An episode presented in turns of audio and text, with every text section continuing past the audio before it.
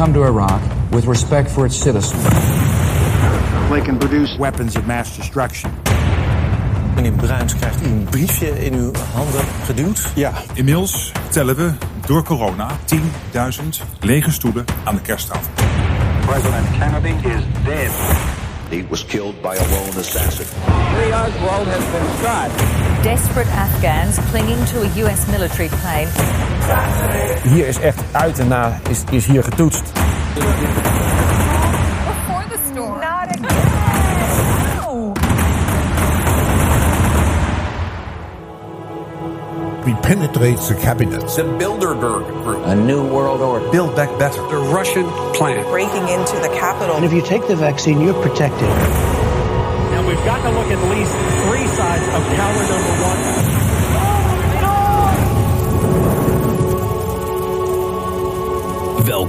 Strijders voor onze vrijheid en onze rechten. Dit is de Jensen Show. Robert Jensen. We gaan vandaag horen van twee mensen die niet meer uh, leven of niet meer onder ons zijn, of hoe je dat ook zeggen. Deze mensen zijn uh, een deurtje verder of een stapje hoger. Um, maar zij hebben vlak voordat zij ons uh, verlieten, hebben zij um, statements gegeven. Zij hebben een boodschap achtergelaten. Zij wisten namelijk welk duivelsspel er met de mensheid wordt uitgehaald. Dat wisten zij van insiders, dat wisten ze zelf. Um, en ze wilden die informatie delen. Want ze vonden dat belangrijk. En dat is een hele moedige stap om te nemen, omdat het natuurlijk geheime informatie is. Dit is wat ze niet willen dat wij weten.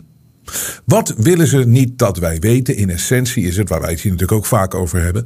Er is een groep die al heel lang onze perceptie van de realiteit weet te beïnvloeden. En daardoor kan je mensen hun gedrag veranderen. Als mensen denken dat iets echt is, wat niet zo is, maar wat voor ze gecreëerd is, dan gaan ze er wel naar handelen. We hebben natuurlijk heel duidelijk gezien in de hele Kiona-periode. Er is een angstbeeld ontstaan voor iets verschrikkelijks wat er niet was. Maar mensen gingen zich toch anders gedragen, lieten zich opsluiten, lieten zich vaccineren. Voor iets waar je voor 100% bijna, 100% als je het hebt, overleeft. En alleen maar een, een, oudere groep die kan er aan overlijden, maar ook niet eens 100%. Dat is gewoon. Het, het is één grote farce, maar het is, het is gecreëerd. Het is een beeldvorming. En dit wordt gecreëerd door mensen. En heel veel dingen van die we denken dat hebben plaatsgevonden. Grote, grote uh, events, om het maar zo te zeggen. Waarvan we dachten dat ze echt zijn. Kom je na een tijdje achter dat het toch heel anders in elkaar steekt. Dat kan je, als we het recentelijk, redelijk recentelijk bekijken. Die, de moord op John F. Kennedy. Ach, Lee Harvey Oswald was de enige die hem doodschoot. Was maar één iemand. Ja, ja, die kogel ging wel van zo, zo, zo, zo, zo. Wat onmogelijk is. Maar het was Lee Harvey Oswald. Dat verhaal werd naar buiten gebracht. Nou, inmiddels weten we dat het onzin is. Iedereen accepteert gewoon dat de Amerikaanse overheid hier zelf een grote rol in had in de moord op haar eigen president. En dat dat toen eigenlijk een soort van coup d'état was. En waar we nog steeds heel veel last van hebben. En het zijn dezelfde groep mensen die dit toen de tijd voor elkaar kregen. En die nog steeds met ons aan het, ik kan het niet anders omschrijven, aan het fucken zijn. Ze spelen met ons idee van de realiteit. En het moeilijkst aan mensen om uit te leggen is omdat mensen echt rationeel zijn. En met rationeel bedoel ik gewoon dat mensen als iets een beetje logisch klinkt, dat ze denken: oh, ja, dat klinkt wel logisch. Goed voorbeeld wederom. Er is een killervirus. En laten we maar thuis zitten, want dan steken we elkaar niet aan met dat killervirus. Oh ja, dat is wel logisch om thuis te gaan zitten. Inderdaad, dan kan je elkaar uh, niet besmetten. Maar dat is natuurlijk helemaal niet zo. Dat, dat slaat helemaal nergens op. Het is, het is complete nonsens, complete onzin. Nooit bewezen dat dat zo werkt en het werkt helemaal niet zo. Laat staan dat er geen killervirus was. Maar je krijgt wel dat idee. En wat mensen denken, en wat ze, wat ze, omdat ze, dat is hun realiteit, dan moet het toch waar zijn. En als je ze confronteert met gewoon daadwerkelijk feit na feit, bewijs na bewijs, dat het inderdaad gewoon ten eerste het niet klopt, hun beeld van de realiteit. Dat is al lastig voor ze, maar als je het ook nog eens vertelt dat dit bewust gedaan wordt door een zeer klein groepje mensen die hier veel belang eh, bij hebben dat dit allemaal ontstaat en dat we constant in crisis zijn en dat we klein gehouden worden. Dan is het helemaal, nee, dat kan niet, want dat is veel te ingewikkeld, zeggen ze dan. Mensen denken dat het dan. Ze, beroepen zich op dat het is willekeur. eh, willekeur. Het gebeurt gewoon. Ja, het zijn hele complexe dingen van allemaal dingen bij elkaar. En ja, het is willekeur. Ja, nee, je- dit is geen plan. Terwijl de realiteit is, de echte realiteit is dat dit is zo'n strak uitgevoerd plan. Het is zo goed bedacht. Er is, er, er, er is, dat plan wordt gewoon uitgevoerd met zo weinig ruimte dat het niet kan slagen. Dus er is weinig ruimte voor falen, want het mag niet falen. Dus het plan is zo goed uitgedacht en al zo lange tijd geleden. En stapje voor stapje eh, rollen ze dat plan uit. En vandaag weer bewijzen dat het daadwerkelijk een plan is. En wat nog steeds voor heel veel mensen moeilijk te behappen is. Maar het is goed om te weten. Het is goed om te horen. Voor mensen die wakker zijn. Die dit nu wel eens langzamerhand eh, doorzien en doorprikken. Die al een hele lange tijd voelen van. Nee, dat klopt gewoon niet. Het is niet logisch. Dan weet je waarom het niet logisch is omdat het een plan is. En het is een, plan om je compleet in verwarring te maken, te brengen. Eh, en dat gaat maar door. Het wordt maar erger en erger en erger en erger. Maar aan ons de taak om de leugens te doorprikken. Om rustig te blijven, kalm te blijven. Met open ogen naar situaties te kijken. Met een open mind naar situatie te kijken. En natuurlijk met een kaarsrechte rug. Blijven staan op deze planeet. En je niet onder laten krijgen. En ook zeker niet bang zijn. Want dat, dat heeft totaal geen zin. En dat is ook totaal onnodig. Dus we krijgen we daar weer te horen. En dit doe ik eigenlijk als vervolg op mijn verjaardagsuitzendingen. En dat was natuurlijk het, eh, het, het, het bijzonder interessante relaas van Dr. Lawrence Donegan. Die had eh, gedocumenteerd in 1989 een presentatie die hij gekregen had met een paar collega's. Hij was dokter, kinderarts. En hij had in 1969 in Pittsburgh een presentatie gekregen van Dr. Richard Day. En Dr. Richard Day was een insider. Die wist precies wat de plannen waren. En die besloot een klein groepje mensen van zijn peers, zoals dat heet in het Engels, zijn collega-genoten op een bepaald niveau, te vertellen van ja, kijk, dit is het plan wat ze hebben. En ze zijn zo ver al dat het eigenlijk niet meer eh, fout kan gaan. En hij heeft in 1969 heeft hij uitgelegd wat allemaal zou gebeuren de jaren daarna. Nou, daar heb ik eh, verjaardagsuitzendingen aangeweid. Daar heb ik heel veel reacties op ge- gehad. Dus die zijn echt gigantisch veel bekeken. Maar het was voor mensen ook een bijzondere confrontatie. Want wat daar gezegd werd in 1969, gedocumenteerd in 1989, dan zie je nu nog steeds dat het uitgerold wordt. Het is toen al voorspeld. Dus het is zo'n plan. Het zit zo strak in elkaar. Ze hebben zeg maar, het is, het is, het is met een militaire precisie wordt het gewoon uitgerold over ons heen. En het is belangrijk om te weten waar ze naartoe willen. Het is belangrijk om te weten wat hun eindspel is. Want dan kan je daarop voorbereid zijn. Maar je kan ook nog eens een keer tegengas geven. En we kunnen dit nog stoppen. Hoe moeilijk ook, omdat ze zo'n enorme voorsprong hebben. Maar we zitten in de fase dat ze het allemaal moeten tonen wat ze willen gaan doen. En dit is duivels. Dus die Dr. Lawrence Donegan, die dat dus genoteerd had. En in 1989, vlak na de dood van Dr. Richard Day. Hij heeft gewacht tot Richard Day is overleden, want hij wilde hem niet in gevaar brengen omdat hij die informatie gedeeld had. Dus dat is, het, het, was natuurlijk enorm indrukwekkend. Enorm indrukwekkend wat je daar hoorde. Wij hebben nog meer materiaal gevonden van Dr. Lawrence Donegan. En dat aan het eind van de uitzending zullen we daar nog even wat van uh, laten horen. Want dat gaat over uh, dat deze groep mensen zichzelf zien als God. En hoe ze natuurlijk uh, religie dan ook weg willen hebben. Want zij zijn God. Hoe je met woorden veranderen uh, gewoon uh, iets voor elkaar kan krijgen. Um, gewoon weer al die voorspellingen die allemaal uitgekomen zijn. En uh, de Dr. Richard Day leeft niet meer. Lawrence Donegan leeft niet meer. En ook de persoon die we als eerste gaan behandelen, um, die leeft ook niet meer. En dit is ook zo'n klokkenluider, om het maar zo te zeggen. Want dus de mensen die ook allemaal denken van... ja, het is allemaal maar willekeur. Het is zo ingewikkeld allemaal. Dit kan niet door één clubje mensen zijn. En sowieso moeten er dan zoveel mensen sowieso toch wel van weten... waarom klappen die mensen niet uit de school? Nou, zoals Christa mijn e-mail naar jullie ook al schreef... er zijn in mijn optiek drie redenen voor. Waarom klappen niet meer mensen uit de school? Ten eerste is dat sommige mensen kunnen daadwerkelijk een geheim bewaren.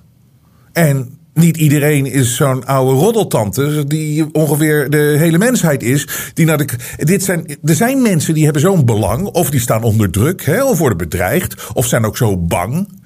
die gaan echt niet naar de kroeg op vrijdagavond zeggen: hey, weet je wat nou, wat ik nou? Weet je, ze hebben gewoon dat en dat hebben ze in scène gezet. En de, de, de plannen die ze hebben, en een chip. En dat er al het geld gaat weg. En dat hebben ze allemaal uitgerold. Dat hebben ze al uh, zeg maar bijna honderd jaar geleden verzonnen. En dat gaat stap voor stap voor stap. De, de hele wereld is niet zoals die echt is hier. Dus sommige mensen, er zijn mensen die kunnen echt goed een geheim bewaren. En die hebben ook helemaal geen belang bij om het te vertellen. En nogmaals, die kunnen ook bang zijn. Die kunnen ook gechanteerd worden. Het tweede is uh, het hele idee van waarom komen er geen mensen naar buiten? Nou, dat bewijs ik vandaag weer. Er zijn wel mensen naar buiten gekomen. Maar het is voor mensen gewoon niet te bevatten dat dit het plan is.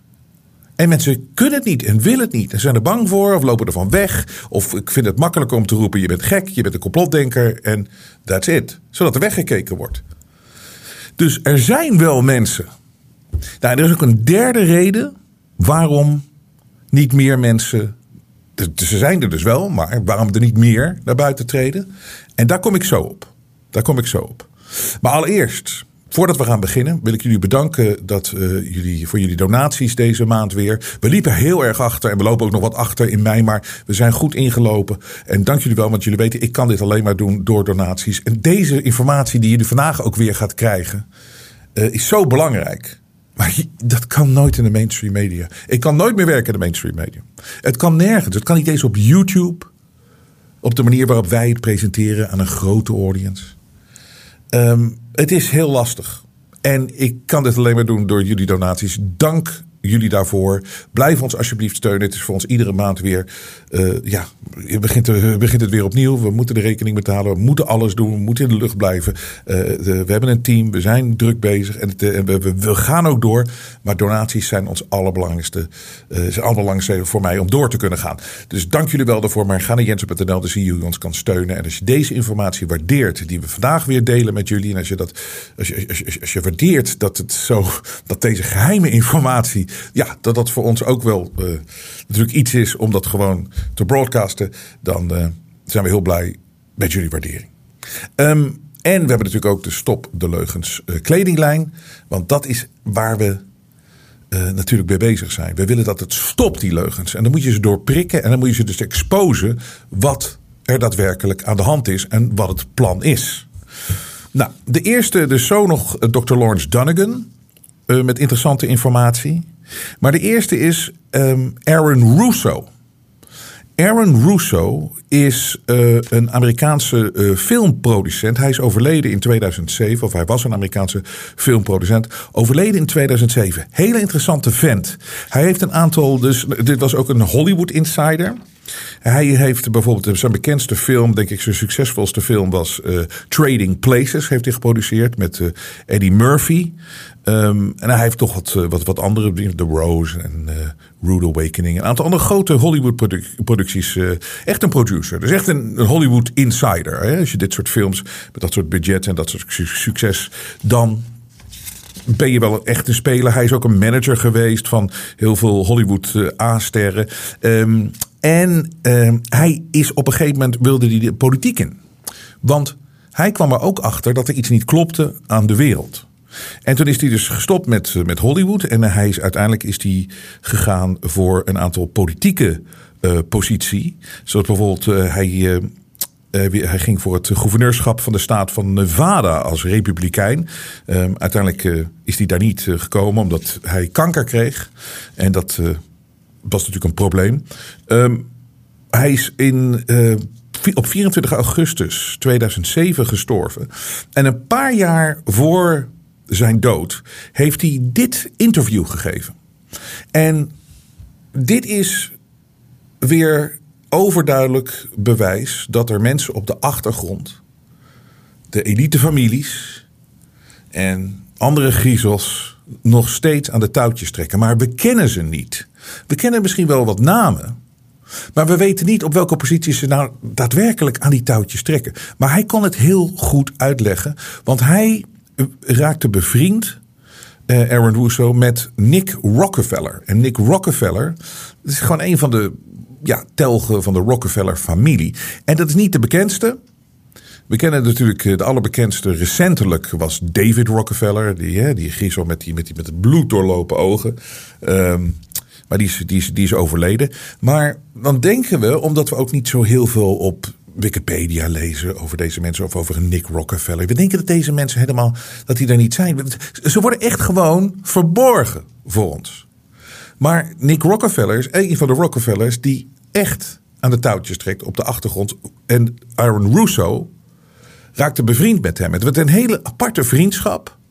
Want eigenlijk probeerde Rockefeller Aaron Russo hem in het clubje.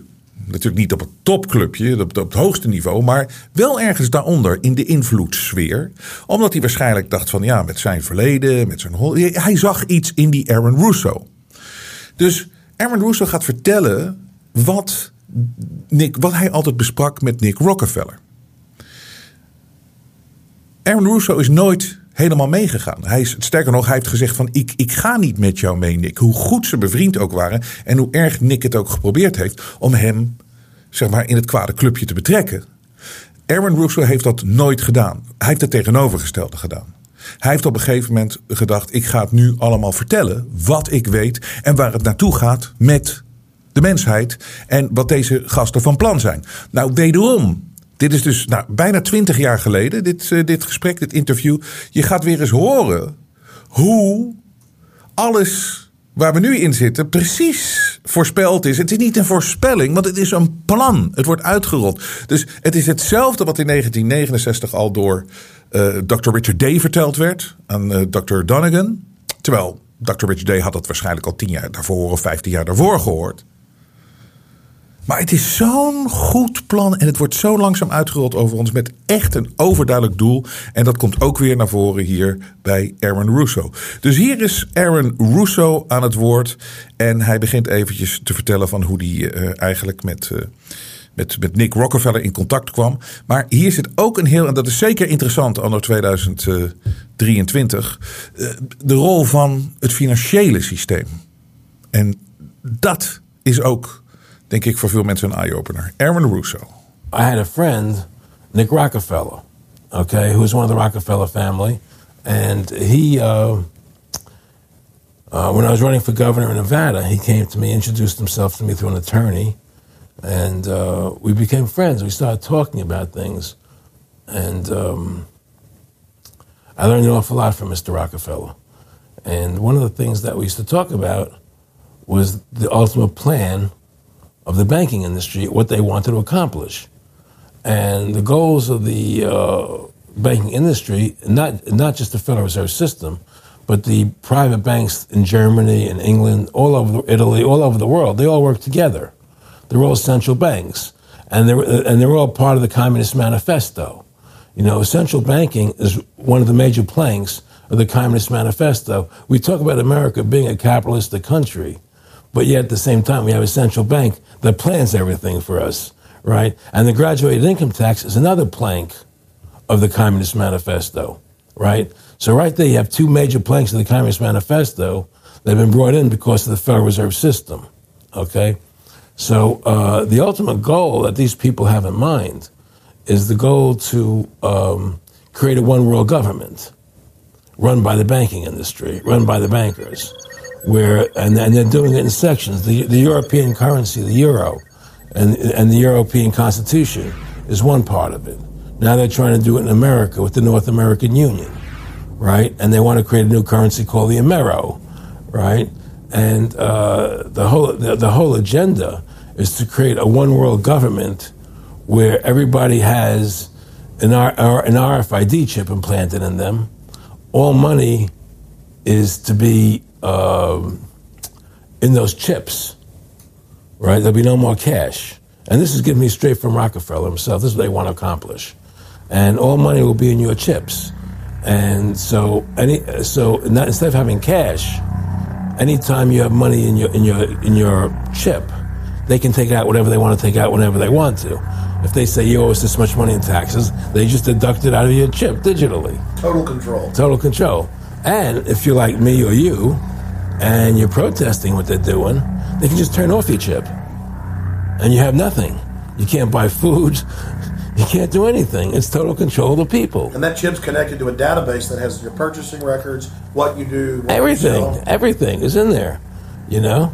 And so they, they want a one world government controlled by them, everybody being chipped, all your money in those chips, and they control the chips and they control people, and you become a slave, you become a serf to these people. That's their goal. That's their intentions. Uh, I met Rockefeller through a female attorney I knew who called me up one day and said, uh, one of the Rockefellers would like to meet you. I had made a video called Mad as Hell, and uh, he'd seen the video and wanted to meet me and knew I was running for governor of Nevada. So, sure, I'd love to meet him. And I met him and I liked him, and uh, uh, he was a very, very smart man. And uh, we used to talk and share ideas and thoughts. And um, he's the one who told me uh, 11 months before 9 11 ever happened that there was going to be an event. Never told me what the event was going to be, but there was going to be an event. And out of that event, uh, we were going to invade Afghanistan to run uh, pipelines from the Caspian Sea. We were going to invade Iraq, you know, to take over the oil fields, establish a base in the Middle East, and make it all part of the New World Order. And we go after Chavez in Venezuela. And uh, sure enough, later 9-11 happened. And I remember he was telling me how, how you're going to see soldiers looking in caves for people in, in uh, Afghanistan, Pakistan, and all these places. And, it's, and there's going to be this war on terror, of which is no real enemy. And the whole thing is a giant hoax, you know, but it's a way for the government to take over the American people. He told you it was going to be a hoax. Oh yeah. Oh yeah. Dat is toch ongelooflijk, hè? En het ding is, de war on terror. Weet je, het is hetzelfde wat we dus net hebben gehad de afgelopen jaren. Eh, de strijd tegen het virus. Samen krijgen we het virus eronder. Strijd tegen een virus. Het is iedere keer een vijand creëren. Gewoon in de perceptie. Niet in de realiteit, maar in de perceptie. De, oorlog tegen terreur. Terreur, terreur. Dus terreur is overal, maar hè, terreur, ter- terreur, wat is terreur? Het is een perceptie. En zo hebben ze dat geleerd door de jaren heen. Dat mensen zo makkelijk te leiden zijn op die wijze. Creëer een perceptie van de realiteit voor ze. En ze lopen daar wel achteraan. En je hoort het dus gewoon, hè? meer dan twintig jaar geleden. En je hoort ook in de stemmen en, en van hem en ook in de. ehm, gewoon, als je het tijdbeeld een beetje terugvoelt, om het maar zo te zeggen, voor zover dat kan. Je merkt het, dat klinkt eigenlijk, hè, een chip, ja, ze zeggen het, de chip, eh, dat is wat ze willen en dat is waar ze naartoe gaan. Dat leek toen onmogelijk of, of zo ver weg. En ook helemaal niet van, hé, hoe gaat dat dan werken? En, en, maar het grappige is dat in 1969, tijdens die lezing van eh, Richard Day, die zei ook al, uiteindelijk komt er een chip in, het hand, in, in de hand van mensen en in het lichaam, want dan zijn ze helemaal te controleren. En je ziet dat alles daar nu naartoe aan het gaan is. En daarom is het ook ehm, mensen die eh, dit onderzocht hebben. Dat zijn geen zieners, dat zijn geen helderzienden. Dat zijn gewoon mensen die de research gedaan hebben en die geluisterd hebben naar dit soort mensen. En nog meer mensen waarschijnlijk op de achtergrond gesproken hebben. En dan kom je achter dat het gewoon een plan is. En dan is het plan ook redelijk makkelijk te voorspellen. Zeker als je na een aantal jaren ziet, en dat zien natuurlijk nu ook heel veel mensen. eh, ik vind zelf dat dat Kiona-verhaal dat het zo absurd is. Dat zoveel mensen eh, hier wakker over geworden zijn dat het allemaal niet meer klopt. Maar je ziet gewoon het theaters hier voor je ogen eh, uitgespeeld worden. En het komt allemaal uit. Maar dat we weten, en dat is zo belangrijk. We weten dat, dat die chip en het einde van cash. Dat mag er natuurlijk nooit en nooit en nooit en nooit komen. Want dat is daadwerkelijk hun eindspel. Hier meer van Aaron Russo.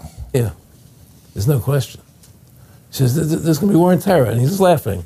There's no, who are we fighting? I mean, why do you think 9 11 happened and then nothing's happened since then? Do you think that our security is so great here that these people who pulled off 9 11, who were able to, can't knock down another plane? Come on, it's ridiculous. 9 11 was done by people in our own government and our own banking system to perpetuate the fear of the American people into subordinating themselves to anything the government wants them to do. That's what it's about, and to create this war, this endless war on terror, and that's why we. And that was the first lie, and the next lie was going into Iraq.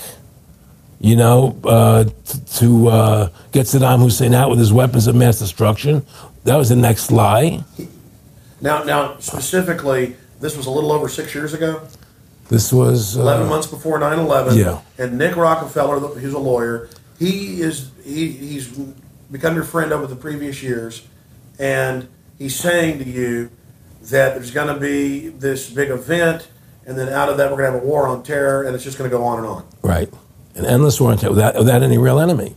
That you can never so you can never define a winner. and, and did, uh, did he say that it's going to be perfect because you can't define an enemy it just goes on Yeah, because you can't define a winner. There's no one, there's no one to beat, so it goes on and on forever. And they can do whatever they want. They scare the hell out of the American public. Look, this whole war on terror is a fraud. It's a farce. It's very difficult to say it out loud because people are intimidated against saying it. Because if you say it, they want to make you into a nutcase. Let's but the truth, but the truth has to be, the truth has to come out. That's why I'm doing this interview. The fact of the matter happens to be that the whole war on terror is a fraud. It's a farce. The, Yeah, there's a war going on in Iraq because we invaded Iraq. And people over there fighting, you know. But the war on terror, it's a joke, you know. And until we discover what really happened on 9 11 and who was responsible for 9 11, because that's where the war on terror emanates from. That's where it comes from. It was 9 11 that allowed this war on terror to begin. And until we get to the bottom root of 9 11, the truth of 9 11, we'll never know about the war on terror. Aaron, you said that he was, and I think it's important, and I know this about the Rockefellers from Dr. Dennis Cuddy and many others who literally, you'll be 20 years old in a lunch line at college, and no, there's David Rockefeller. And he here's here, I mean, they're experts at recruiting and getting what they call players, and that clearly he was, I mean, I want to make it specific and just get you to reiterate what you said last night uh, about you were, you got 30% of the vote, you were having an effect. You you you made mad as hell. They knew that you'd started the Constitution Party. Yeah. They knew that you were uh, somebody who was taking action and getting things done. You'd already made some big films, had a lot of other successes. Right. So they were trying to recruit you, and, and, and didn't it come down to the point of, hey, we are here to recruit you, and don't worry, your chip's going to say, don't mess with us. You know, this guy's uh, don't touch. Yeah, uh, yes, that did happen. I was definitely being recruited, but it's more subtle than that. Well, in your words, just go through the process, and then and then what he said. Well, what it is is, I, we remember we were friends, and we used to have he used to come to my house a lot. We'd have dinner, we'd talk, and he'd, uh tell me about business investments, how you get involved in, you know, or they would help me with this business investment or that business investment. And was I interested in joining the Council on Foreign Relations? You know, I would have to get a letter to join them, but was I interested in that? And uh, you know, just uh, just stuff, you know, leading you on. And, and uh, I, I used to say to him that I never really did that because that wasn't where I was coming from. You know, as much as I like you, Nick, you know, your ways and my ways were the, we're on the opposite side of the fence. You know, I don't believe in enslaving people. You know, and um, And he would come back with, "Oh, I do." Or, well, it would be more like you know it's know. better for them. Well, it's more like you know. Um, how do I put it? It was like, what do you care about them? What do you care about those people? What difference does it make to you? Take care of your own life. Do the best you can for you and your family. What do the rest of the people mean to you? They don't mean anything to you. They're just serfs. They're just people. You know, it was it was just a lack of caring, you know, and that's just not who I was. It was just it was just sort of like cold, you know. It was just like cold, you know. And uh, I used to say to him, "What what's the point of all this? You have all the money in the world you need, you have all the power you need. What's the point? You know, what's the end goal?" And he said, "The end goal is to get everybody chipped." to control the whole society. To have the, to have the bankers, the, the elite people, you know, the bankers and some governor controlling the world. What, and, and, and I said, all, do all the people in the Council on Foreign Relations believe this way you do? He said, no, no, no. You know, it, it, most of them believe they're doing the right thing. A lot of them believe it's better, it's better off being socialistic. You know, we have to convince people that capitalism, that socialism is really capitalism. Because America is becoming a socialist country. It's a communist country today. Well, one of the things they told me was that. Uh... Oké, okay, ik onderbreek heel eventjes. Wat, wat is overduidelijk is, en hij legt het, vind ik, heel goed uit. Is dat wij betekenen echt niks voor die gasten. Het is echt slaven. En we kunnen zo weggevaagd worden. En ze zetten ons zo drie jaar thuis. En uh, ze ontnemen je gewoon alles. Het interesseert ze echt helemaal niet. Want deze vraag krijg je natuurlijk ook vaak. Waarom zouden deze gasten het doen? Ze hebben al het geld in de wereld. Nou, dat is, dat is één ding dat als mensen gewoon te veel geld hebben, dan bestaat geld niet meer. En wat je dan wel hebt, dat, dat krijgen ze. Hè, dat, dat, uh, sommigen gaan daar niet in mee, die vallen dan af. Maar de, de, de, echte griezels, die, dus, dan gaat het om macht. Dat is het lekkerste wat er is. En mensen controleren. En zorgen voor pijn en, uh, en lijden. En daar, daar, krijgen ze energie van. En ik vind dat Russo dat heel goed omschreef. Het is overduidelijk dat, dit, dat hij echt zo gezeten heeft. Wat, wat, wat interesseert jou die mensen nou? Denk aan jezelf. Denk aan het kleine en je familie en het kleine clubje hier. We zorgen voor elkaar. En de rest, who cares? Lach ze uit. Het zijn slaven. Het zijn domme schaap. Zo kijken ze naar de mensheid. Um, he brought, we were at the house one night and uh, we were, we were talking and he started laughing. He said, Aaron, what do you think women's liberation was about? And uh, I said, I, I, had pretty conventional thinking about it at that point. I said, I think it's about women having the right to work, getting equal pay with men, just like they won the right to vote, you know? And he started to laugh. He said, You're an idiot. And I said, Why am I an idiot? He said, you want, Let me tell you what that was about. We, the Rockefellers, funded that. We funded Women's Lib, you know?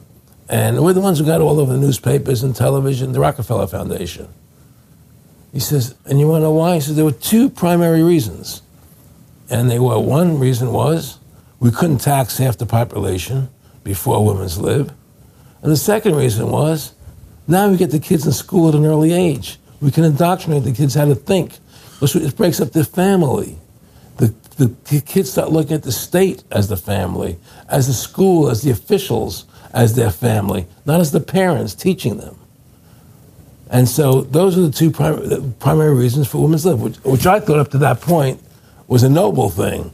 You know, when I saw their intentions behind it, where they were coming from when they created it, the thought of it, I saw I saw the evil behind what I thought was a noble venture.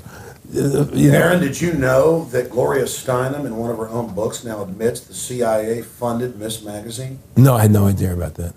No, I never heard that. Yeah, we're going to. CIA funded Ms. Magazine? Funded Ms. Magazine with the stated goal of taxing women and breaking up the family. No kidding. I never heard that. Well, Nick told me. I mean, I mean, I know it, but not because I know the CIA was involved in it. Well, see, the whole thing is, is these people control the money, so they make all the rules. You understand? And, and they put whatever rules they want into effect. And the truth is, America has really become a socialist, communistic country. And nobody, everybody says it's a capitalistic country. It's not a capitalistic country. You know, how can it be capitalistic when you have a central bank? That's the first. You can't. It can't be. You know, the it's money. a planned economy. Uh, it's a planned economy. It's, it's, it's a phony. If they want to create prosperity, they just print dollars. They just make dollars or put digits into the economy, and, they, and then now you have prosperity. You don't have real prosperity. You don't have real manufacturing. You just have you just have money being injected in. It's an infusion of credit, which only being, makes the government go into more debt. Into more debt. The Federal Reserve is poison to our country. Of course it is. It's poison. Whoever makes the money makes the rules. Rothschild said that. And they make the money. Why are we allowing these private bankers to make the money for our country? It makes no sense. Why are we paying interest to these banks to make money for us when the government can do it itself without paying interest and without all that debt?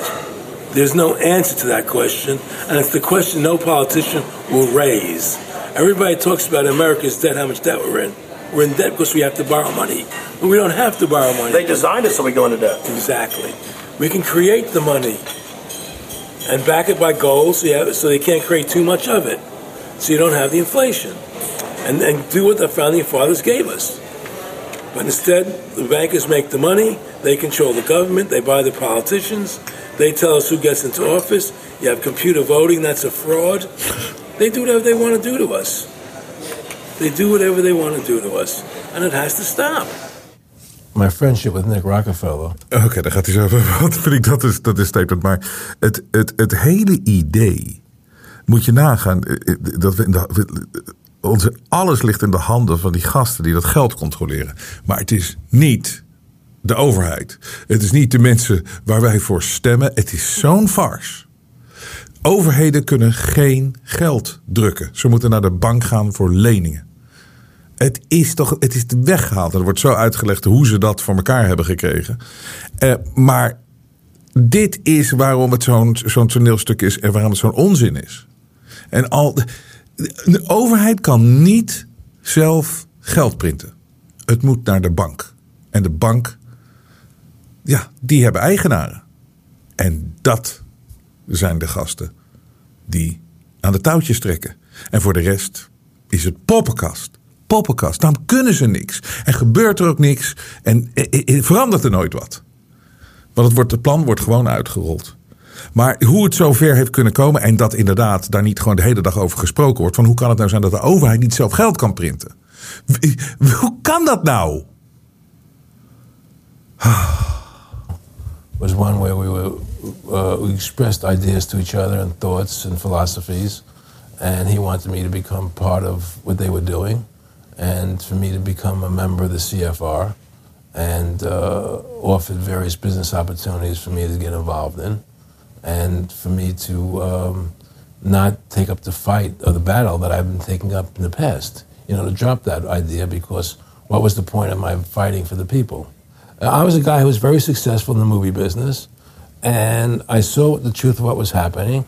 I tried to express it to the people, and rather than having me express it to the people, they wanted me to join their side because I was a mover and a shaker, and rather than me opposing them, to join them.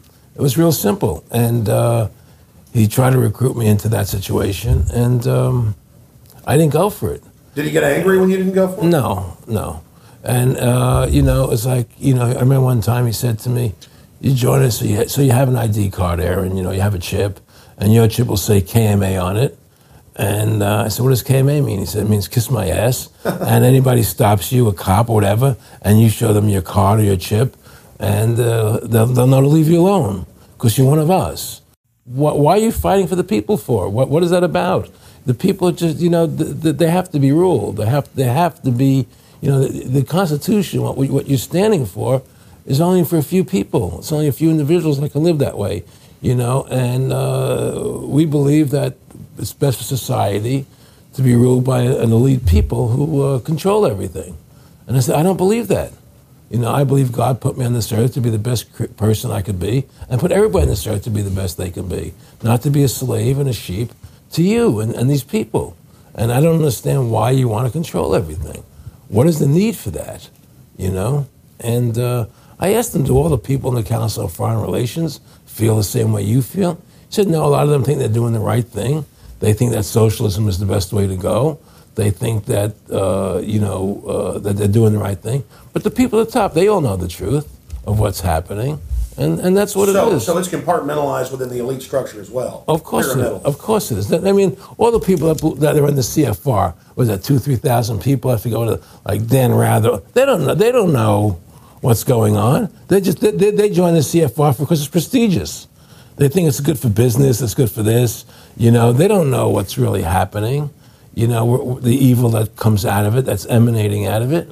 You know, and uh, to me, you know, uh, the biggest evil is what's happening right now because uh, this, what happened on 9 11 is a phony, you know, and we've never learned the truth about 9 11. That's the question I wanted to uh, f- follow up on.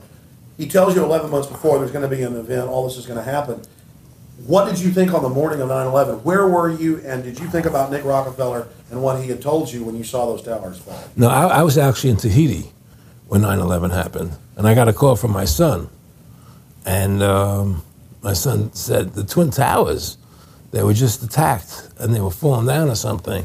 So what are you talking? I, I, was in Tahiti. I was asleep, and uh, he says, "Yeah, they were hit by a plane." Da, da, da. And so uh, where, I, where I lived, in, where I was in Tahiti, there was no television, so I had to run run the other side of the island to a hotel where they had, and it was all on television, you know. And that's when I first saw the stuff on TV about it.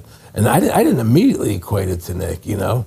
But when I realized that we are going to go into Afghanistan, Iraq, and as that developed, I realized what it was. How could there be a war on terror and, and, and actually say that we're having a war against terrorism and leave the borders wide open? If you were the President of the United States, or I were the President of the United States, and, and 9-11 really happened the way they want us to believe it happened, the first thing you would do is shut down the borders so people couldn't get in the country to harm you.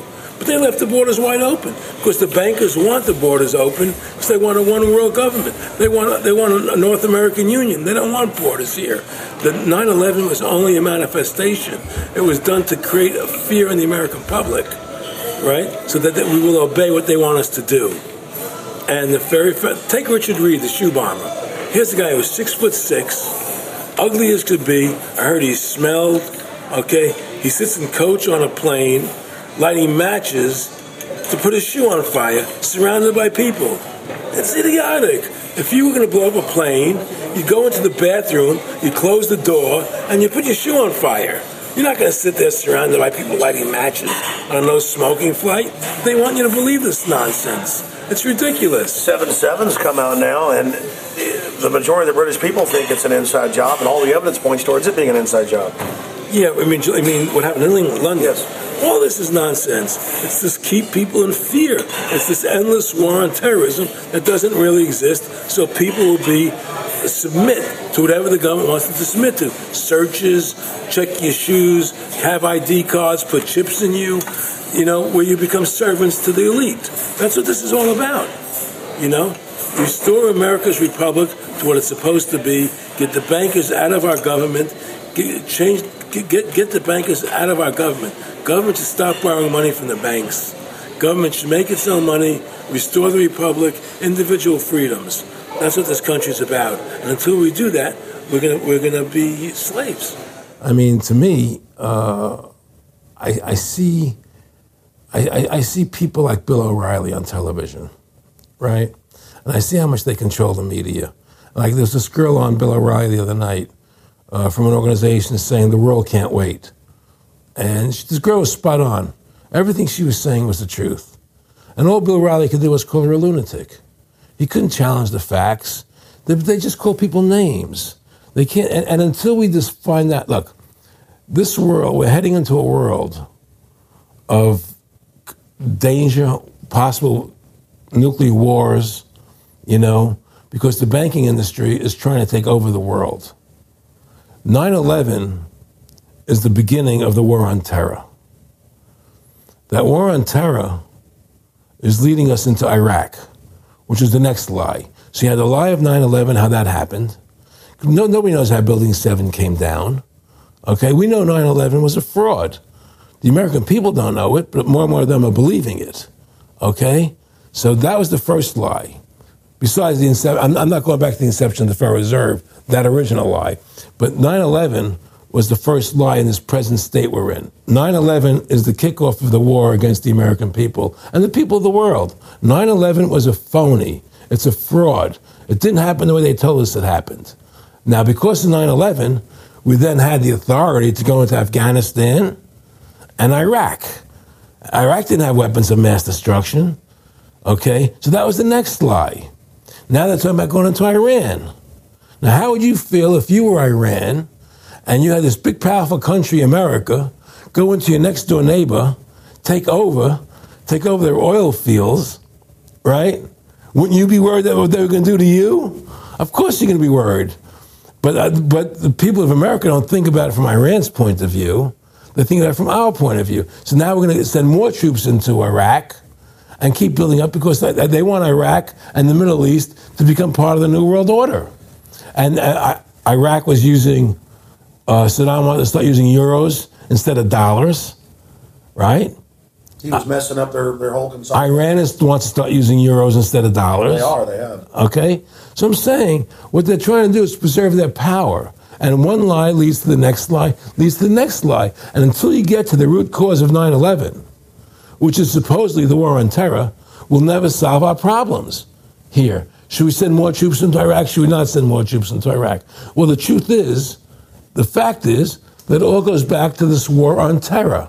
Where did 9 11 come from? That's the root cause of everything. And until we have a full investigation, find out why Building 7 fell down, why they shipped all the steel out of America so quickly, you know, from the buildings, why, why all the um, things that don't make any sense about 9 11, until we find out why it really happened, you know, we'll never understand why there's a war on terror. And we'll never be able to prove that the war on terror is a phony. You know, Nick and I discussed many things. One of the things we discussed, or he brought up in conversation, was reducing world population and felt that there were too many people in the world.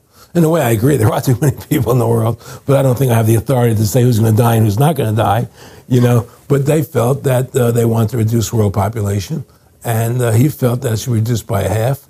He even mentioned to me once uh, they, they, they, were having a real problem trying to solve the Israel um, Palestinian problem, and he talked to me once about uh, they were playing with the idea of bringing Israel to Arizona you know, and taking all the people from Israel and giving everybody a million dollars and setting up Israel in the state of Arizona. Unbelievable.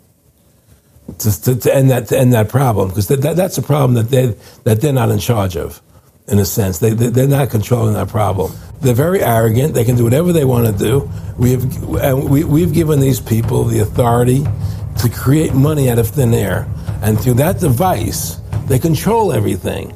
And if you want to win the battle to stop that, you have to deny them the ability to create money. It's only because they can make money that they have all this power. They literally have the money machines. They, they have the money machines. They can print it. They can do whatever they want to do. They own everything. Aaron, we take over pretty quick. If we were the guys that issued the money, everybody had to come give us real assets for the use of this money we just printed up. You know, people, people. Uh, you know, I, I tell people, you know, uh, why in the world does the American government borrow money from the banks when they have the ability to create it themselves without borrowing it and paying interest on it? Why? And nobody can answer that question. Not one politician ever raises that. Why does the American government borrow money when they can create it without paying interest? Well, we did create it up until uh, 1913. 1913. And, and so people say, well, because if the American government does it, it'll create inflation. That's the answer. I say, well, let's look at it. The American government has the Federal Reserve do it, which creates the same inflation as if they did it. But also with the inflation, now you're getting massive debt. So with the Federal Reserve, you have inflation and debt. Now, if the American government made the money, backed by gold, which limited the amount they could make, you wouldn't have debt and you wouldn't have inflation. Damn, what did Rockefeller tell you about the Federal Reserve and their family owning part of it? Well, uh, he said the New York Fed is the main controlling interest of the Federal Reserve System. They control the bulk of it. So the New York Fed is really the Federal Reserve System. Even though there's 12 different banks, it's run by the New York Fed. And the New York Fed is basically the Federal Reserve System. So who's ever running the New York Fed is where, and, and the families that control it control the New York Fed. And they're, they're the main uh, uh, engine behind the Federal Reserve System. And that's a wing of the Bank of England. Uh, well, the, well, the Bank of England and the Federal Reserve are partners, you know, and the Bank of England is a private bank, and so is the Bundesbank in Germany, and the Bank of all the, all the banks of the G8 countries are all private banks. They're private central banks. And look, what happened in Europe? Didn't Europe vote down uh, the European Constitution? Yes. They're still doing it. Didn't they vote down the euro? They're still doing it. They don't care what the people vote. They do whatever they want to do. What we want doesn't matter anymore. It's their agenda, it's their plans that matter. Isn't that prima facie evidence of a tyranny? Well, there's no question we're in tyranny. There's no question we're living in a world where uh, uh, the American citizen is no longer a free individual human being to do uh, the things that they wish to do. You know, we're, we're slaves, and, and, and it's getting worse. What do we got to do to bring these people down? got you, in my opinion, uh, you must shut down the Federal Reserve System. And I think that um, there has to be an uprising. There has to be an uprising. People have to stand up. I, I can't do it alone. You can't do it alone, Alex.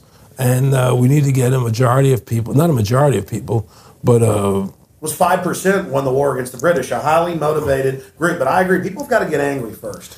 I mean, not just yeah, yeah, we know it's corrupt and that lackadaisical. We got to get pissed. people don't seem to have the courage to do what they have to do.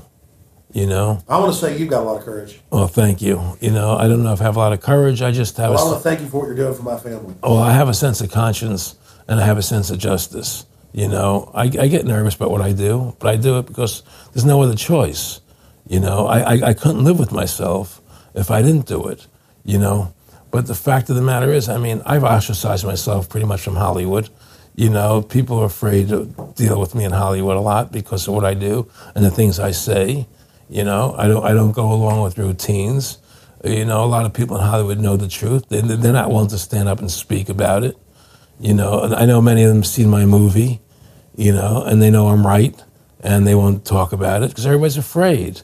Everybody's afraid because the federal they, they, they think that this money they get, these Federal Reserve notes, are really money, and they think they have a comfortable lifestyle, and they're afraid to change. You know, they're afraid to stand up for what's right.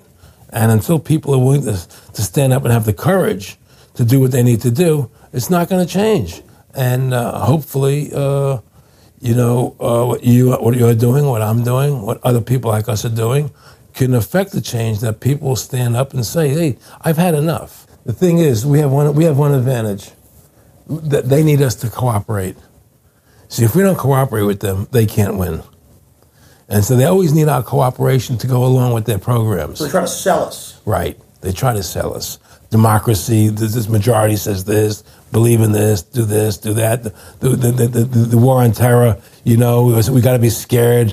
You know, let yourself be They're always trying to do things to sell us so that we'll go along with them. And once we learn not to cooperate with them, then we win the game. And that's the point. Don't cooperate with them. Don't go along with the program anymore. Stop it join forces. You and I should run for president and vice president and take over this country and bring freedom back to this country.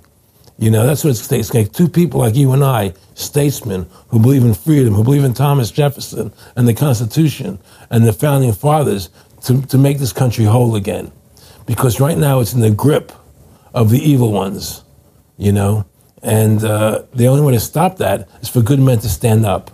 Was Edmund Burke said, evil can only thrive when good men do nothing. Yes. Right? That, well, that, we, we, we, got, we got to do something. En dat is het natuurlijk. En dat blijft het altijd. Is wat hij ook zegt van wanneer houdt dit nou eens op? Ja, als we, we moeten meedoen. En als we stoppen met meedoen, dan houdt het op en snel ook. Het was hetzelfde met Kiona. Mensen vroegen altijd bij hoe lang gaat dit duren? Ja, totdat wij zeggen uh, genoeg is genoeg, we doen niet meer mee. En dat duurde vrij lang. Um, maar het gebeurde toch. Um, dus dat is het. Ik, uh, Aaron Russo overleden twee jaar na dit interview. Dus dat is ook vrij snel. Uh, in 2007. Maar een paar dingen er nog even uithalen van uh, wat, ik, wat, ik, wat ik heel opvallend vind. Is natuurlijk, hij, hij, hij hamert natuurlijk erg op dat 11 september. Dat dat niet klopte. Dat verhaal niet klopte. En wat is er daadwerkelijk gebeurd? Daar moet een onderzoek naar gedaan worden. Want alleen dan wordt, kan, wordt ook die war on terror exposed. En dat soort dingen. Nou leven we in 2023. Er is nog nooit een onderzoek gedaan. Naar wat er echt gebeurd is. Die dag. Waar hij hierom vroeg. En dat is hetzelfde wat ze nu natuurlijk proberen met Kiona. Om ervoor te zorgen dat er nooit een echt onderzoek van waar komt het nou vandaan? Hoe erg was het? Hoe is het nou inge, ingebracht? En, en steeds raak je verder en verder verwijderd van het moment van, dat, van, het, van de gebeurtenis. Van het event. En mensen willen ook altijd gewoon graag door. En mensen willen het gewoon vergeten. En het ding is zo belangrijk om weer altijd terug te gaan naar die punten. Om helder te blijven zien van wat er daadwerkelijk uh, gebeurt op dit moment. En wat er gebeurd is. En dat dat niet klopt. En dan ben je ook weer beter voorbereid van als ze weer met iets komen. En ik vind het ook wel. Um, een mooie dat zij dus als het ware, hij noemt dat een KMA-chip. Dus die gasten hebben een Kiss My Ass badge, als het ware. Dus als zij worden aangehouden door de politie, als er iets aan de hand is, iets naars, ze laten alleen maar zien kiss my ass en ze komen overal mee weg. En daarom worden deze mensen ook nooit echt vervolgd en nooit. Zij zijn in totale controle van het systeem. Kiss my ass. En dat was dan ook mijn derde punt. Dat als mensen vragen van... Uh, ja, maar waarom klappen niet meer mensen uit de school? Kijk eens eventjes heel kritisch naar jezelf. Of verstel jezelf deze vraag eens. Als jou geboden wordt wat Aaron Russo geboden werd. Kom nou in de club. Je krijgt zo'n kiss my ass pasje als het ware. Ze kunnen je nooit meer raken. Je bent compleet beschermd. You're one of us. Je komt in al die. Uh, we brengen je overal binnen. Big business opportunities. Je mag op de, Council for Foreign Relations, heel prestigieus, New York. Daar mag je uh, deelnemen. Daar voegen we je toe. Stel jezelf de kritische vraag: hoeveel mensen zeggen daar nee tegen? Hoeveel mensen zeggen nee tegen een kiss my ass pasje? Ja, ik ben hetzelfde als Aaron Russo. Ik uh, bedoel, uh, vrijheid en ik, ik, geloof niet in slavernij. Ik vind het verschrikkelijk allemaal. Die, die gasten, ik wilde niet bij horen. Ik zal me er nooit gelukkig in voelen. Maar hoeveel mensen zouden er toch niet voor gaan? En die klappen dan ook niet uit de school. En ik vind het ook wel, eh, dus ze hebben het vaak over die Council of Foreign Relations. Dat is eigenlijk vrij onbekend eh, in, in Nederland, maar eigenlijk ook weer gewoon wereldwijd. Niemand weet wat die gasten doen. Maar dat hebben die grote industriële uh, gasten, de krachten, hebben dat opgezet. Volgens mij ergens in de jaren 30 of zoiets. Ik, ik weet niet precies, maar zo rond die, rond die tijd. De Council of Foreign Relations, die heeft uiteindelijk, heeft de Rockefellers hebben dat allemaal overgenomen. En dat is waar het is een carousel van mensen die uiteindelijk in de overheid belanden op belangrijke posities. En als ze ergens goed hun baantje gedaan hebben, dan komen ze op de Council of Foreign Relations. Dat is waar op de hoogst, op de topplekken, dat zegt hij ook zo goed, dat die, er zijn 3000 uh, leden van de Council of Foreign Relations. Maar natuurlijk alleen de top weet wat hier echt aan de gang is. Alleen de top. Maar heel veel mensen die denken van, oh, prestigieus. Ik ben op de Council of Foreign Relations. Oh, wat fantastisch allemaal. Heel veel journalisten die worden daar ook uh, uitge voor uitgenodigd. Dus die zijn natuurlijk ook dan in de pocket. En die vinden het allemaal prachtig. Maar de Council of Foreign Relations. Nee, het is maar een praatgroepje. Ja, ja, ja. Maar net zoals met, uh, met Klaus en Davos. Op het topniveau wordt alles natuurlijk gewoon besloten. En het... het, het als je ziet in de Council of Foreign Relations, bijvoorbeeld Larry Fink, de baas van BlackRock, die dus hè, die alle, alle businesses in handen hebben. Hè, en die er ook voor zorgen dat we nu alleen maar transgenders in commercials zien. En uh, die, die, die, die dwingen namens adverteerders precies uh, af wat de content moet zijn. Larry Fink van BlackRock. Die zit dus gewoon hoog in het bestuur van de Council of Foreign Relations. En hij zit in het hoogste bestuur van the World Economic Forum.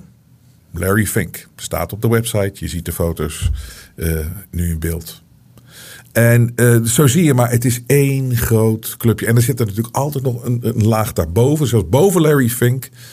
Die daadwerkelijk uh, aan de touwtjes trekt. En de Council of Foreign Relationship, dat is waar de buitenlandpolitiek van Amerika al zo lang besloten wordt. Het is daar, het is niet het ministerie van Buitenlandse Zaken in Amerika. Nee, het is daar daar gebeurt het. En daar zitten de echte spelers. En de, die bepalen natuurlijk de, het buitenlandse beleid van Amerika. En dan natuurlijk ook meteen de NATO erbij, want de NATO is gewoon Amerika. Maar het begint daar. En hoeveel mensen weten dat ze daar zitten, dat het zo werkt? En uh, heel goed dat Aaron Russo dit uh, zo allemaal zo overduidelijk en heel mooi verteld heeft. En het nagedachtenis van Aaron Russo hebben dit uitgezonden. En overigens het interview dat, dat je hoorde, ik, zeg het nu pas, dat werd gedaan door inderdaad Alex Jones. Dan zie je ook hoe, hoe lang Alex Jones er al mee bezig is. En... Wel begrijpelijk dat hij af en toe uit de bocht vliegt. Als je al zo lang hier onderzoek naar doet. En dan word je op een gegeven moment natuurlijk ook. Uh, ja, dan uh, zie je het misschien ook niet, uh, die, die, niet meer zo zitten. Maar je ziet, Alex Jones heeft echt gedegen onderzoek gedaan. Die weet echt ehm, waar hij het over heeft op heel veel vlakken. Um, en ja, wauw. Ik vind het toch altijd weer, ook weer, het zal jullie ook zo zijn, een confrontatie met hoe het gewoon echt in elkaar zit, hoe het gewoon echt werkt. En het is ook zo logisch, want je ziet het gewoon voor je neus. Je ziet het gewoon echt in real time, zie je het gewoon afspelen. En het gaat maar door. Uh, nog een klein stukje van uh, Dr. Lawrence Dunnigan, had ik al beloofd. Dat is dus, uh, hè, die, er is een, het, is, het is slechte kwaliteit. Maar dat maakt het ook wel vrij bijzonder. Want ja, dit, dit zijn natuurlijk niet, dit is niet, niet content die overal te vinden is. Of die ze ook willen dat zoveel mogelijk mensen horen. Maar Dr. Lawrence Dunnigan die heeft dus in 1989 gedocumenteerd wat hij gehoord heeft in 1969 van Dr. Richard Day. Een insider van deze griezels ook. Um, en hij heeft daarna, na 1989, wij, wij denken dat het ongeveer hetzelfde jaar is, of het jaar daarna, een interview gedaan met iemand. En dat is Wendy Engel. En ik wil er toch een paar dingetjes, een paar korte dingetjes nog even uithalen, want dat is wel uh, interessant. Dat, dat een van de dingen is ook wat daar bij Richard Day, wat gewoon echt het, het doel was. Mensen van een bepaalde leeftijd kun je niet meer veranderen. Dus je moet op de jeugd focussen. The emphasis on youth, this was stated explicitly. Um, people beyond a certain age, uh, they're set in their ways, you're not going to change them. They have values, they're, they're going to stick to them. And, but you get to the youth when they're young, they're uh, pliable, you move them in the direction you want them to go.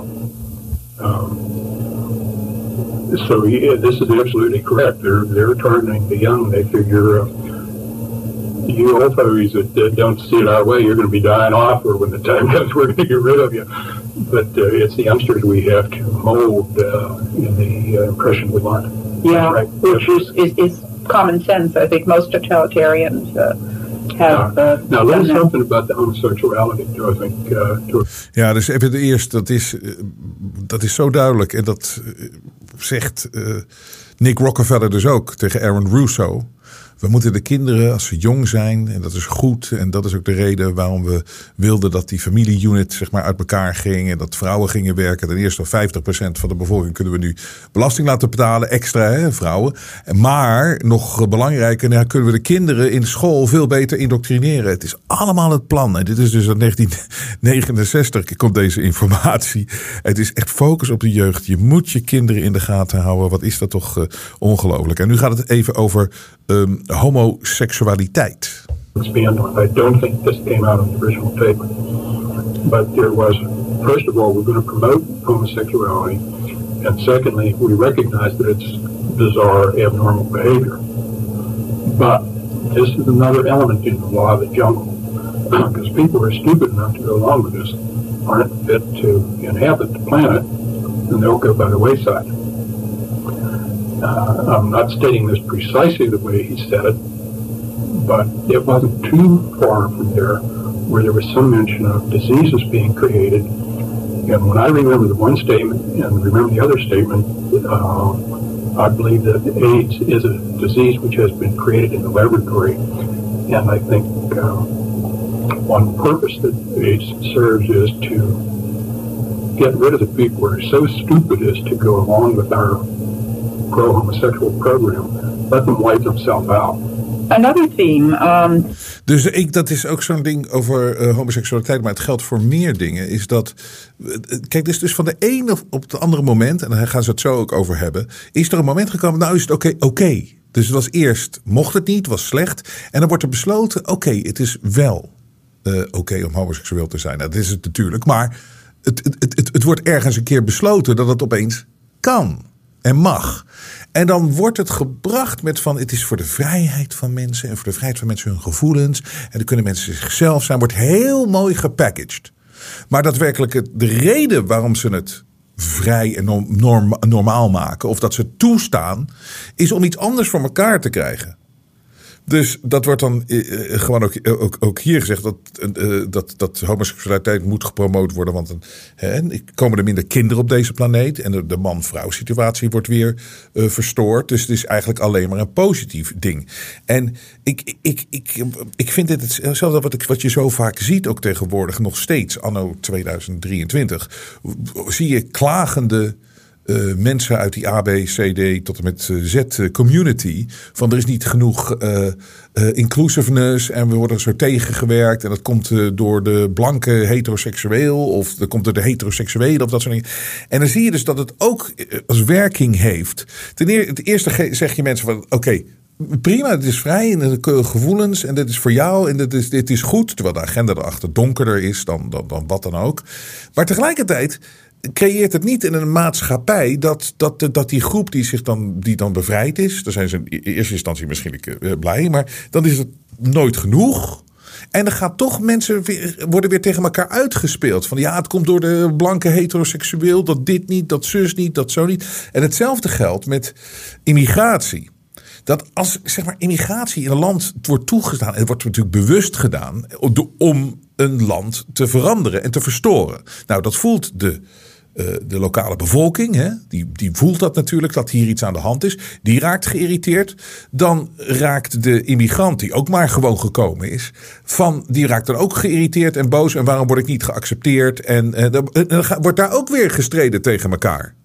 Dus iedereen blijft maar tegen elkaar strijden. En die gasten zitten op de achtergrond en die laten het zo allemaal gebeuren. Verdeel en heers. En dit is weer een van de dingen. Want kijk, ik neem het de immigrant niet kwalijk dat hij zich uh, zo voelt. Want die komt ook maar en die wordt uitgenodigd als het ware. Ik neem het de, de, de, de, de, de, de, de, lokale bevolking niet kwalijk. Want die wordt verstoord. Maar tegelijkertijd, het gebeurt allebei tegelijkertijd. Ik, ik, ik neem het ook de homoseksueel niet uh, kwalijk dat ze vinden dat er nog niet genoeg acceptatie is. Maar ik neem ook de heteroseksueel die ook zegt van ja, hallo, het is, de meerderheid is man-vrouw. Het ding is, we worden zo tegen elkaar uitgespeeld. En dit houdt pas op als we zien dat we echt allemaal in hetzelfde schuitje zitten. We, zijn, we hebben allemaal te maken met dezelfde gasten die ons eronder willen krijgen. En pas als we dat gaan zien, dan houdt het ook uh, uh, meteen op. Want tot die tijd, het is zo dom. We moeten zien dat we allemaal dezelfde vijand hebben. Dat, dat, dat hebben we met z'n allen gemeen. Hebben we met z'n allen gemeen. En het is zo duidelijk te zien. We worden tegen elkaar opgehitst, tegen elkaar opgezet. Het is niemands schuld, het is niemands fout. Maar we gaan erin mee, want we doorprikken één ding niet. En dat is dat we dezelfde vijand hebben. En we hebben dezelfde strijd. En nu over het veranderen van woorden en wat je daarmee kan doen en het spelen voor God wat deze gasten hebben. The notion of God is eternal and the teachings of Jesus Christ is eternal and therefore the teachings of the church is eternal. Depends on the authority of God. Uh, and God brings about change in God's way. Uh, what this boils down to me is these people say, no, we take the place of God. We establish what will change and what will not change. So if we say homosexuality or anything is moral today, wasn't yesterday, but it is today, we have said so, therefore it's moral. And we can change tomorrow. We can make it immoral again tomorrow. And this is uh, the usurpation of the role of God to define what the beyond what the ordinary person is supposed to believe. So the idea is that if everybody's used to change, most people aren't going to ask, well, who has decided what should be changed and how it should be changed? Most people just go along with it, like uh, hemlines and uh, shoe styles and that sort of thing. Uh, so it is a, a, a, usurpation of the role of God. And if you read the Humanist Manifesto, uh, and somewhere early in, in the uh, introductory part of it, they say human intellect is the highest good. Well, to any human being, what you call the highest good, that's your God. So to these people, human intellect, being the highest good, is God. And where does human intellect reside? Well, in the brain of one or more human beings. So these people, in effect, I don't think they would be so uh, candid as to say so, but uh, whether they know it or not, what they're saying is, I am God, we are God, because we decide what is moral today, what is moral tomorrow, what's going to be moral next year. We determine change. Because words carry meaning. There's the, uh, the, the, dictionary definition, but uh, I think we all know certain words carry meaning that, that uh, uh, is a little bit hard to put into words. But they carry meaning. So yes, that's controlling the language. Uh, you think in your language, you think yourself in English or Spanish or whatever languages you're familiar with, but when you think you talk to yourself, and you talk to yourself in words, just the way you talk to other people. That's right. And uh, if you can You control the language with which one person speaks to himself or one person speaks to another. You've gone a long way toward controlling what that person is able, what he's capable of thinking. And uh, that has both an inclusionary and an exclusionary component to it. Uh, you set the tone with. Take the word gay, for example. Take the word gay. Now, they probably had a committee working for months to pick out which word they were going to use. And gay carries a connotation which, first of all, is inaccurate. Um, most homosexuals are not at all gay. They're, they tend to be pretty unhappy people. Yes. Uh-huh. Despite all the publicity telling them that they can and should feel comfortable what they're doing, most of them deep down inside don't accept Have a conscience which says otherwise. Yeah, yeah. And homophobia is another. Sex education is not education. That's right. It's, it's uh, conditioning, and we should never use the term sex education. It's a misnomer. They, if they control the vocabulary, then they control the way we can think and the way we can express ideas among ourselves and to anybody. En dit is een uh, heel interessant uh, uh, punt. Twee dingen. Dat het veranderen van taal. Dat is ook zoiets wat ons maar overkomt. Hè. Opeens een bombardement. En wij denken dat het spontaan gebeurd is. Homoseksualiteit. Dus dat is, heeft het woord gay gekregen. Maar gay is een, het Engelse woord voor vrolijk. En vrolijk? Dus het is, het is eigenlijk zo, eigenlijk als je gay bent, dan zou je Nederlands moeten zeggen: uh, uh, Ik ben vrolijk. Maar het is natuurlijk vrij raar. Hoe maar dat, dat vrolijk heeft natuurlijk een bepaald imago en een bepaald gevoel krijg je daarbij. Maar je verandert de taal en je verandert gewoon daarmee ook weer een perceptie van iets. En wie verandert dat dan? Wij denken dat dit zomaar gebeurt, dat het spontaan ontstaat. Oh, dat is wel blijven hangen. Nee, dat wordt echt ingebracht. Daar wordt over nagedacht. En breng het zo erin. En dan gaat de mensen zo erachteraan lopen. En die gaan daar dan zo in mee. Want wat deze mensen dus allemaal gemeen hebben. En dat komt hier ook uh, goed naar uit. En dat is de laatste soundbite. Is dat zij spelen voor God. En ze noemen zichzelf Zoals Nick Rockefeller zegt van ja, weet je, er moet gewoon, uh, mensen zijn gewoon dom, schapen. En die moeten gewoon aangestuurd worden door een bijzondere groep mensen, de elite. Met andere woorden, er is niks groters dan dat zij zijn. En als ik één ding kan analyseren over de grootste zwakte van deze griezels, dan is het dat. Want dat is namelijk een enorme zelfoverschatting dat je groter bent dan God. Dat er niks groters is dan wat jij kan bedenken. En ik weet dat heel veel mensen zijn helemaal meegegaan. Of, en die, die, zijn, die zitten vast in hun hoofd. Die kunnen niet indenken dat er iets groters is dan zijzelf. En dat zie je heel erg in de klimaatbeweging. Dat mensen daadwerkelijk denken van wat ik hier aan het doen ben, dat beïnvloedt dit enorme grote geheel.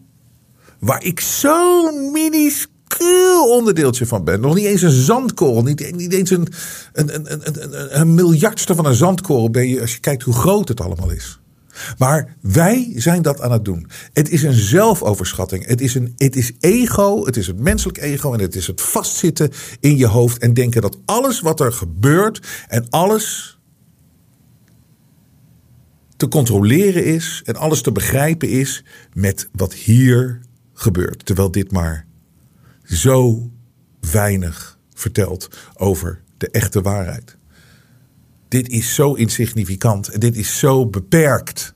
En als je niet ziet dat we onderdeel zijn van iets groters, als je niet al die componenten bij elkaar zet, al die onderdelen van het menselijk bestaan, als je dat niet begrijpt, en maar vooral als je niet overgeeft dat er iets groters is dan wat jij kan bedenken, en dat je vast blijft zitten in het ego, dan ben je zo makkelijk te sturen. Want je gooit er wat in, met wat manipulatie. En als een computer, je hoeft niet eens een chip te hebben, je bent al voorgeprogrammeerd. Je drukt op enter en je gaat lopen.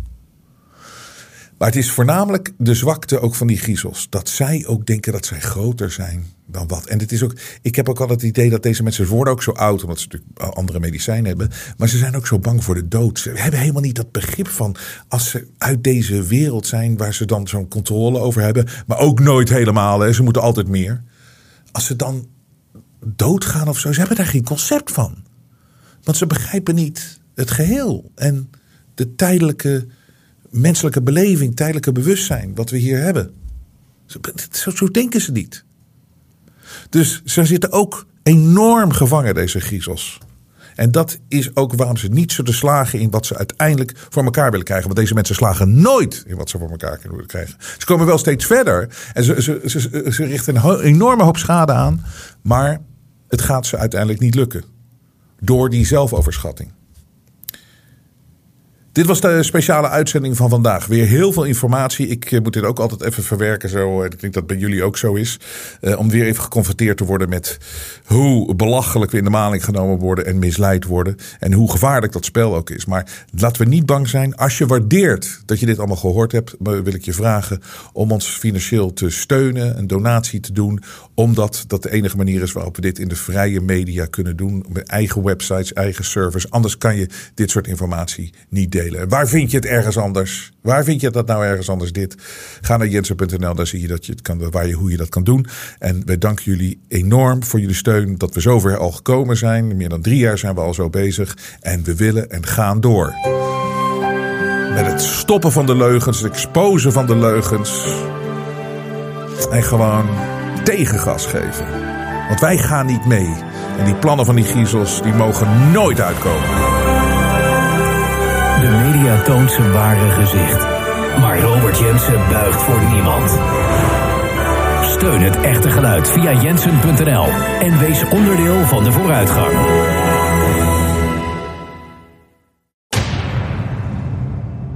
Ik zeg ook altijd van ik ga hiermee door tot de dag dat ik sterf of dat de schoen van de militair in mijn nek staat.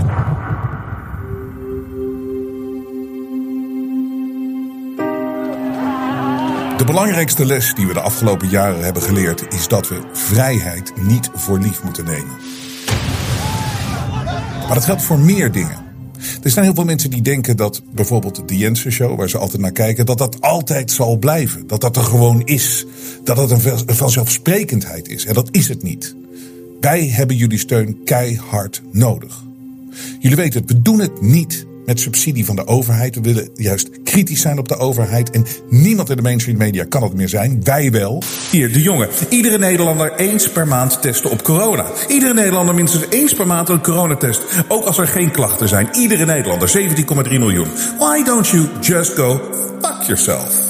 We willen niks te maken hebben met adverteerders, grote bedrijven, want we weten de kern is dat het kwaad. Moderna is not a real company. It is a shell company for the US military and intelligence agencies. Nogmaals, neem het niet voor lief dat wij hier altijd zijn. Dat is echt niet zo. Het leger. Oh jongens, daar zijn ze weer. Zijn ze weer Jensen.nl in de gaten aan het houden. We kunnen het alleen maar doen dankzij jullie. Als jullie blijven waarderen wat we hier aan het doen zijn, gaan wij door. Wij geloven hier bij de Intershow echt dat onze beste tijden nog voor ons liggen. En daar zijn we bereid voor te vechten, maar we nemen niet voor lief hoe hard het gevecht is en hoe moeilijk het is. Ga naar jensen.nl, steun ons en red het vrije woord.